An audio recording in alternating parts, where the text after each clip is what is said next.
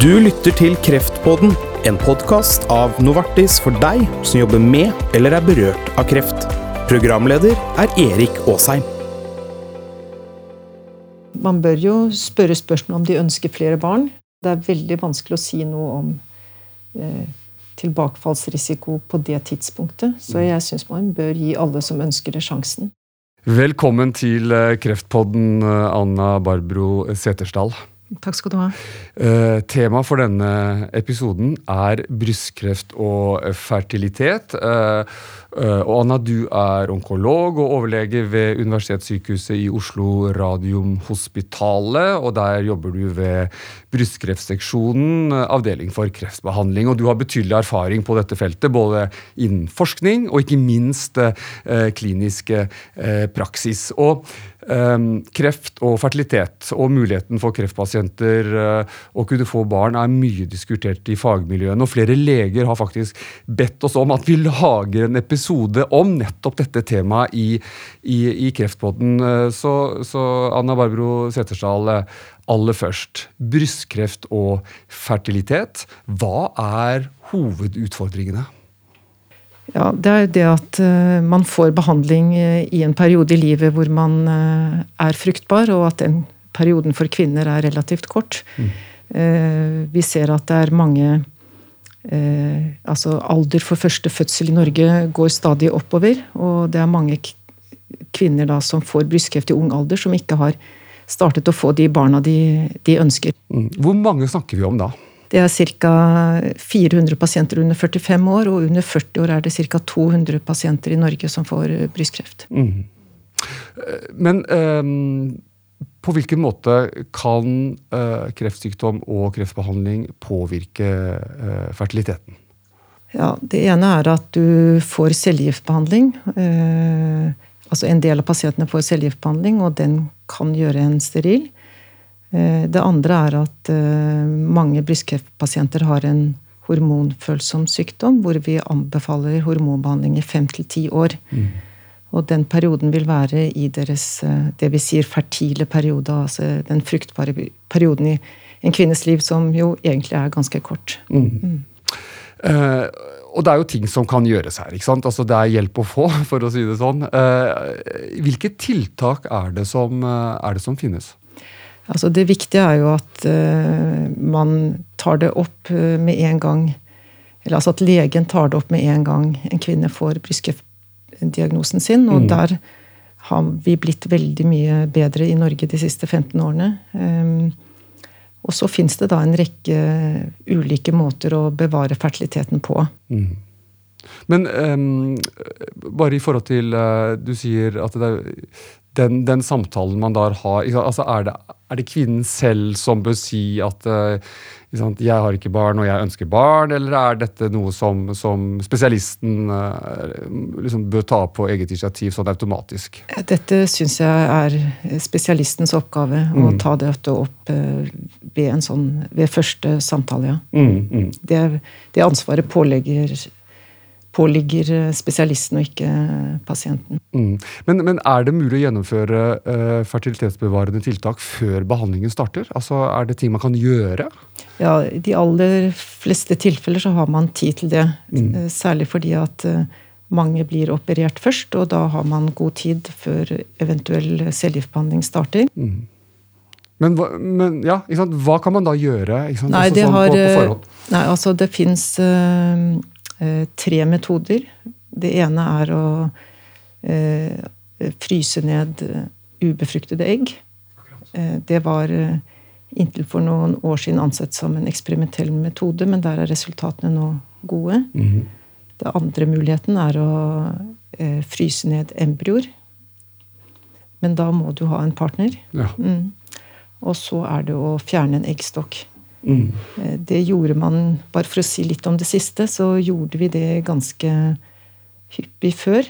Men man har, eh, har eh, en slags regel om at man bør ha mer enn 50% risiko for infertilitet for å forsvare å ta bort en eggstokk. Så det gjør vi nesten ikke lenger. Mm.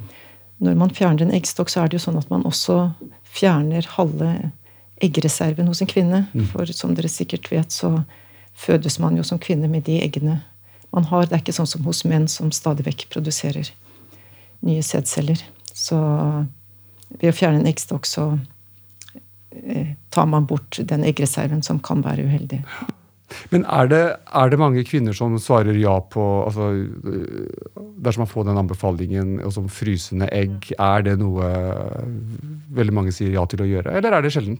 Nei, det er ganske vanlig. Eh, altså, det er jo en del som har barn. Eh, noen har kanskje fått de barna de ønsker, men mange drømmer jo kanskje om et barn til, og da, da gjør de det, eller at de ikke har fått barn. Mm. Og da får man henvisning til Eh, det sykehuset i regionen som utfører slik behandling, og man blir tatt raskt imot og blir satt i gang. Og det er også sånn at man nå kan stimuleres på mye kortere tid enn før. Man trenger ikke å følge menstruasjonssyklus. Så eh, hele behandlingen går raskere enn det den gjorde for ti år siden. Mm. Du nevnte hormonbehandling så vidt her, så vidt her og, og, og, du er prosjektleder for den globale positivstudien eh, i Norge, eh, som da ser på altså Det er en internasjonal undersøkelse, eller en internasjonal studie, mm. som ser på om avbrudd i hormonbehandling for å gjennomføre graviditet er, er, er trygt. Og kan man gjøre det? Altså Kan man si at eh, jeg vil ha en pause fordi nå vil jeg ha et barn? Ja, altså Som jeg nevnte innledningsvis, da, så er det det at vi anbefaler hormonbehandling i fem til ti år. Og det er mange kvinner som ikke har fått de barna de ønsker. Eh, og det denne studien er eh, laget eh, er en slags sånn observasjonsstudie. altså Vi kan ikke si til, ikke sant, til 100 kvinner at du kan ikke få barn, og så får 100 lov. Så, så, vi sammenligner det med historisk materiale. Men i den studien så hadde man krav om at man skulle ha stått på hormonbehandling i 18 måneder eh, maks 30 måneder. Og så ble man tillatt å gjøre et avbrudd i inntil to år. Ja. Og etter det avbruddet eh, så måtte man gjennomta eh, hormonbehandling igjen og fullføre den tiltenkte behandlingstiden. Mm. Så det er altså mulig å ta en pause? Men vet, nei, det er, ja. Ja. Nei, det er nettopp det vi ikke sikkert vet. Ja, Dere vet ikke sikkert? Nei. Selv, nei. Så det er det dere skal prøve å finne ut nå? Ja. Det er det vi skal prøve å finne ut, ja. ja. Mm. Vet dere noe mer? Altså, er det mulig å si noe mer nå, eller er det, eller er det for tidlig? Nei, det er altfor tidlig. Mm. For, for, fordi det er jo en eh, altså Det sier jo litt om at den biologiske driften er sterk hos, hos, hos mange kvinner ved at man faktisk eh, liksom, ønsker å gjøre dette. ikke sant? Ja, det, det, er jo det. Eh, det er jo, tror jeg, hos alle mennesker, egentlig. Eller de aller fleste mennesker, i hvert fall. En sterk drift til å, å få barn. Mm. Det er på en måte livets mening. I, om du skal se på det rent biologisk, ikke sant? å føre sine gener videre. Og den eh, driften blir kanskje hos noen også enda mer sterk. Eh, om man da kanskje er i 35-årsalderen og får kreft og ikke har fått barn, så føler man at det er mange dører som slås igjen. Ja, Og da er man også kanskje villig til å ta en, ta en risiko?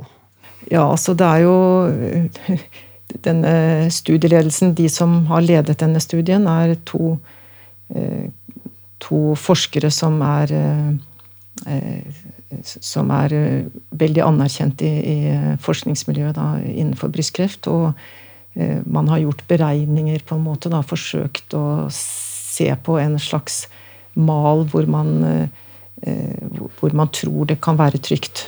Eh, vi, er eh, vi er på en måte altfor langt fra å anbefale dette som en måte å, gjøre det på. Jeg, jeg, eh, jeg tror de fleste ville være mer komfortable med en litt lengre tid på hormonbehandling før man gjør et avbrudd. Mm. Men det er altfor tidlig å komme med noen generell eh, på en måte, anbefaling om hvordan man skal forholde seg. Mm. Så, så, er det en kvinne i dag som ønsker å få barn, og som er tiltenkt langvarig hormonbehandling, så, så må hun ta det opp med behandlende lege og eh, ja, få en veiledning i hvordan hun skal forholde seg. Ja, men, men, eh, men det, det, det, dette er jo noe kvinnen også selv kan bestemme selv. Altså, selv om det ikke er det man kan gi et råd om, klart og tydelig, så er det også kvinner som, som, som velger å gjøre det, kanskje? Ja da. Eh, altså Vi leger er jo ikke, vi kan jo ikke bestemme over noen sånn sett. Vi kan bare komme med råd. Mm. Eh, og det er opp til hver enkelt å om man følger de rådene eller ikke. Men hvordan er det dere jobber nå da for å, altså, for å finne ut om dere skal kunne anbefale dette eller ikke? Altså, hvordan er det den hvordan er det den studien skjer, egentlig? Nei, altså Den studien eh, eh, Der er det bare at Der følger vi dem i ti år eh, ja. fra de ble inkludert. og så rapporterer man da dels sant, hvem som blir gravide, hvor lang tid det tar før man oppnår graviditet, om barnet er fullbårent og friskt. og så ser man på en del ulike parametere i, i, blodprøver. Eh, og så registrerer man da de som eventuelt får tilbakefall av brystkreft. Mm. Og så vil man da sammenligne det med et historisk materiale. Mm. Mm. På kvinner med lignende stadium, og som er sikret på den måten. Mm. Finnes det andre metoder man også kan, kan benytte? Ja, altså det vi også gjør altså man har de fertilitetsbevarende metodene som jeg nevnte. Mm. Og så setter vi eh, kvinnen på en slags, eller ikke en slags, men en kjemisk kastrasjon i den tiden hun står på cellegiftbehandling. Mm. Og det gjelder både for de hormonfølsomme og de hormonufølsomme. Mm. For da vil eggstokkene slumre i den tiden, og da ser man at man i høyere grad bevarer menstruasjonen i etterkant. Man har flere studier Eh, med dette, men mange av dem har ikke endepunktet barn. Så, så, vi vet eh, Det er fortsatt diskusjon i fagmiljøet om dette er en fertilitetsbevarende behandling. Eh, men det har man konkludert med at det, man kan ikke anbefale den som en trygg fertilitetsbevarende behandling. Men vi håper at den også gjør det. Så, så, den alene er ikke nok. Man bør også tilbys altså høsting av egg. Mm. Og da, Når jeg hører du snakker om de forskjellige metodene her, så, så, så er det, altså det er jo åpenbart det er en del, fremdeles en del kunnskapshull her. Altså hvorfor, hvorfor, er det slik? Liksom, man har liksom levd med dette så lenge? Nei, Det er jo det at det er akkurat det med å få barn ikke er ikke noe man kan styre. Mm. ikke sant? Om man har et vanlig medisinsk eh, eh, studie, da, ikke sant? så gir du den ene gruppen én type behandling og den andre en annen type behandling. Men her er det jo, eh, er det jo litt vanskeligere. Og så er det jo stadig nye behandlingsmetoder som også kommer. Det er, jo, det er også en utfordring, er det ikke det? Jo, fordi at man vet jo ikke sikkert hvordan den vil påvirke fertiliteten. Det gjelder jo særlig selv, de ulike cellegiftbehandlingene. Mm. Mm. Det er mulig, mulig, dette er et litt sånn naivt spørsmål, men hvis man liksom, som du nevnte, hvis man har valgt å, å, å, å fryse ned et egg mm. før man starter med kreftbehandling, eh, og så er man på, på, på, hormonbehandling, altså kan man da samtidig eh, måtte bruke det egget, eller, eller, eller, det, eller, går ikke det heller? Nei, det går ikke. Eh, fordi at eh, altså Den ene typen hormonbehandling vi gir, da, det er jo en slags eh, kastrasjonsbehandling. Eh, mm. Man får en sprøyte, og så tar man i tillegg en tablett av noe som heter en aromatasehemmer. Og da er man steril i hele den perioden man, eh, man får den hormonbehandlingen. Og så er det andre som bruker en type hormonbehandling som er et antiøstrogen, hvor det er en del som menstruerer, så de kan bli gravide. Men uh, dette antiøstrogenet kan gi fosterskader. Mm. Så det anbefaler vi absolutt ikke. Nettopp. Eh, og så er, så er, jo det store spørsmålet, da. Er det trygt å bli gravid etter at man har eh, blitt behandlet for, for, for kreft? Ja, det, det er det. Eh, der har man som man sikkert forstår, bare studier som ser bakover. Men eh, man har nå gjort opp dette med veldig stort antall pasienter, og det synes eh, ikke å øke risikoen for tilbakefall og eh, ha en graviditet etter brystkreftbehandling. Mm. Dette gjelder både for de som har en hormonfølsom sykdom, og for de som har en ikke-hormonfølsom sykdom. Mm. Og når det gjelder de som ikke har en hormonfølsom sykdom, så, så har man jo ikke det samme dilemmaet eh, som de som har hormonfølsom sykdom, har. For de behandles med cellegift og ofte med strålebehandling. Men så, etter det, så, så må det være i samråd med behandlende lege når man i så fall skal prøve å bli gravid, om det er det man ønsker. Mm. Men må man vente en stund? Altså Er det det dere anbefaler? For man har jo ganske mye, man kan ha ganske mye stoffer i kroppen, ja. ikke sant, et Altså hvor, hvor, lenge bør man egentlig vente? Ja, der, der, er det jo to forhold. da. Altså Vi rent sånn medisinsk med tanke på fosteret, så, eh, så sier man seks måneder til ett år. Okay. Men så er det også det at eh, noen vil jo selvfølgelig ha en viss tilbakefallsrisiko, og da er det en del ting rundt det da man bør diskutere med, med legen sin. Om man skal vente noen år eh, før man forsøker. Mm. Mm. Så, det, så, det er, så, så, det, må egentlig altså det, er, det, er, ingen altså kan, det er ingen sånn generelle tidsregler man kan ha. Det må, det, må vurderes individuelt ikke sant? Eh, med, med hver enkelt pasient. Ja, ja det syns jeg man, man, skal. Det, det viktige å si er jo det at det øker ikke risikoen for tilbakefall. Mm. Det er vi ganske sikre på. Mm. Så det er jo en viktig ting å vite at man ikke utsetter seg selv uh, for det mm. hvis man uh, vil få barn. Mm. Men vet man, om, altså vet man noe om, om er det også mange kvinner som, da, altså, som, ikke, som mister muligheten til å få barn etterpå? Altså, kan behandlingen også være så tøff at, man, at, at liksom den liksom, muligheten er, er, rett og slett borte? Ja, altså Jo yngre du er, jo lettere er det å bevare fruktbarheten din. Så er du under 35 eh, år, eller særlig under 33 år, så vil du nesten alltid bevare fruktbarheten. Den reduseres kanskje med 5-10 bare. Mm.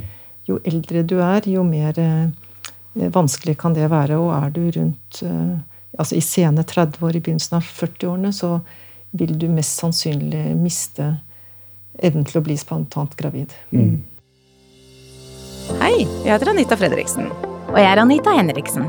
Så fint at du lytter til Kreftpodden.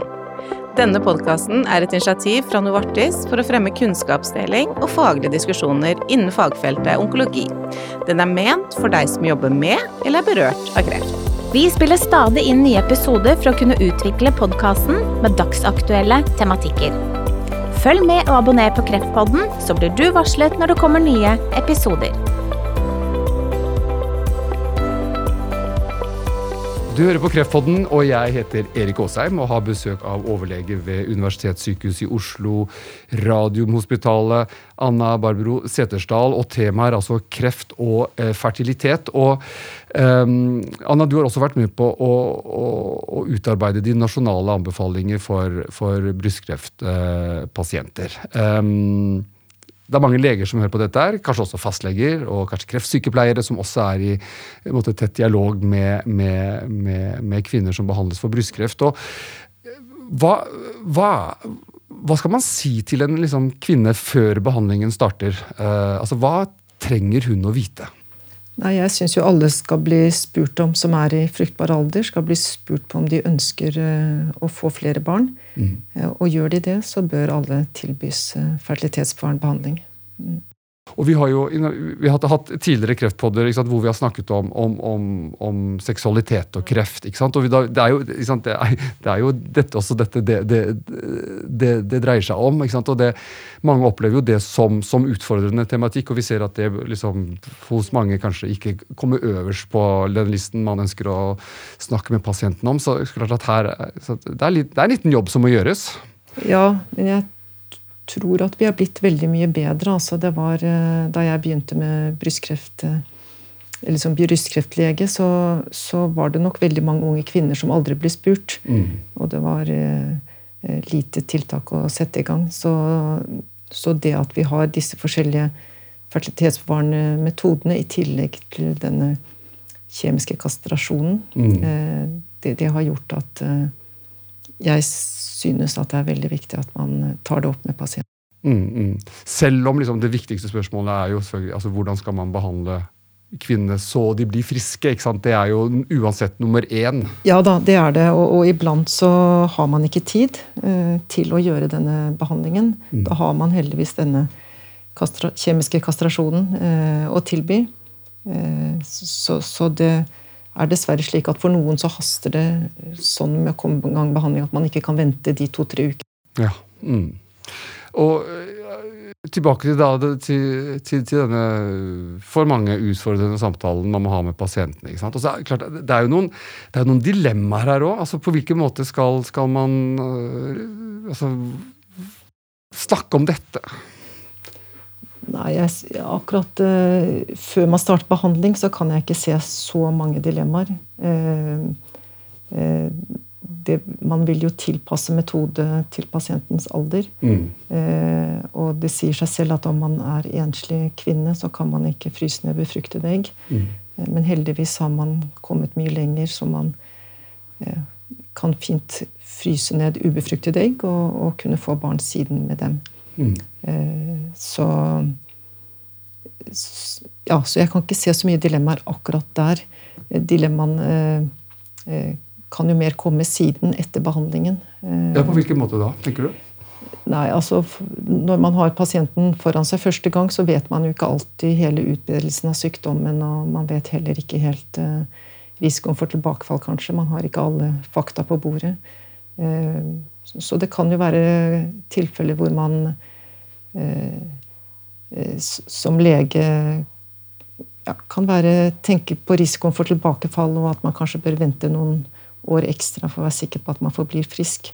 Ikke fordi at eh, det i og for seg øker tilbakefallsrisikoen, men mer for at man må se for seg scenarioet at eh, man, man kanskje ikke, at man kanskje ikke overlever sykdommen. Ja, mm. ikke sant? Mm. For, det, for, det, er også et dilemma. ikke sant? Altså Skal man kun gi dette tilbudet til, til kvinner som, som, man vet vil overleve, eller skal man også gi det tilbudet til kvinner som, som som da kanskje ikke vil kunne eh, se barnet sitt vokse opp. Ja, nå, nå, er det jo sånn at eh, vi leger kan jo altså, Eller overlevelsen etter brystkreft eh, har jo bedret seg. Og, og eh, selv om man er en erfaren brystkreftlege, så vil man veldig ofte ta feil med tanke på om pasienten overlever sykdommen eller ikke. De fleste gjør jo heldigvis det mm. i dag. Så det, det, det, er vanskelig å, å, ikke anbefale det, også om de andre måte, tingene ligger på plass. Da. Altså med mm. at man har fullført behandlingen sin. og og så, det, og så, er det, jo i sterk grad også opp til kvinnen selv å, å måtte ta en del av disse avgjørelsene. Det, det, det er nettopp det. Ja. At vi kan gi råd, men vi, vi kan ikke styre. ikke sant? Så mm. dette må, må kvinnen og hennes partner eventuelt da bestemme, bestemme selv. Ja. Mm. Men eh, så, nå har vi snakket om en rekke metoder og, og, og, ting som kan gjøres både før behandling starter og, og etterpå. Eh, går utviklingen veldig fort her? Altså, altså, kunne man gjøre dette for ti år siden, eller, eller er mye av dette her ganske, eh, ganske nytt? Eh, nei eh, eh, alle disse metodene vi bruker, var tilgjengelige også for ti år siden. Mm. Eh, man eh, har altså Nå er ikke jeg fertilitetslege, det må jeg bare få presisere. Det, men, men vi, man gir jo nå en hurtigere stimulering. altså For en del år siden så måtte man vente på en menstruasjon før man startet stimulering. Mm. Så, så, det er lettere å få til før behandlingen starter opp. Mm. Um, dette med denne kjemiske kastrasjonen har vi vel brukt nå kanskje ja, mellom fem til ti år. Årene går litt fort for meg. Mm. så, så, vi har i og for seg hatt det, men jeg tror det viktigste som har skjedd, er at altså, våkenheten hos legespesialistene, både kirurger og kreftleger, er blitt så mye sterkere. Altså, dette er et spørsmål som blir tatt opp med pasienten. Og det er det viktigste. Så det har blitt mye, mye større bevissthet rundt denne, denne problematikken ja, og tematikken? Ja. ja. veldig mye større bevissthet. Mm. Tre ting å ta med seg fra denne samtalen. Ja, Det første er at det ser ut til å være trygt å, å gjennomføre graviditet eller å få barn etter brystkreftbehandling.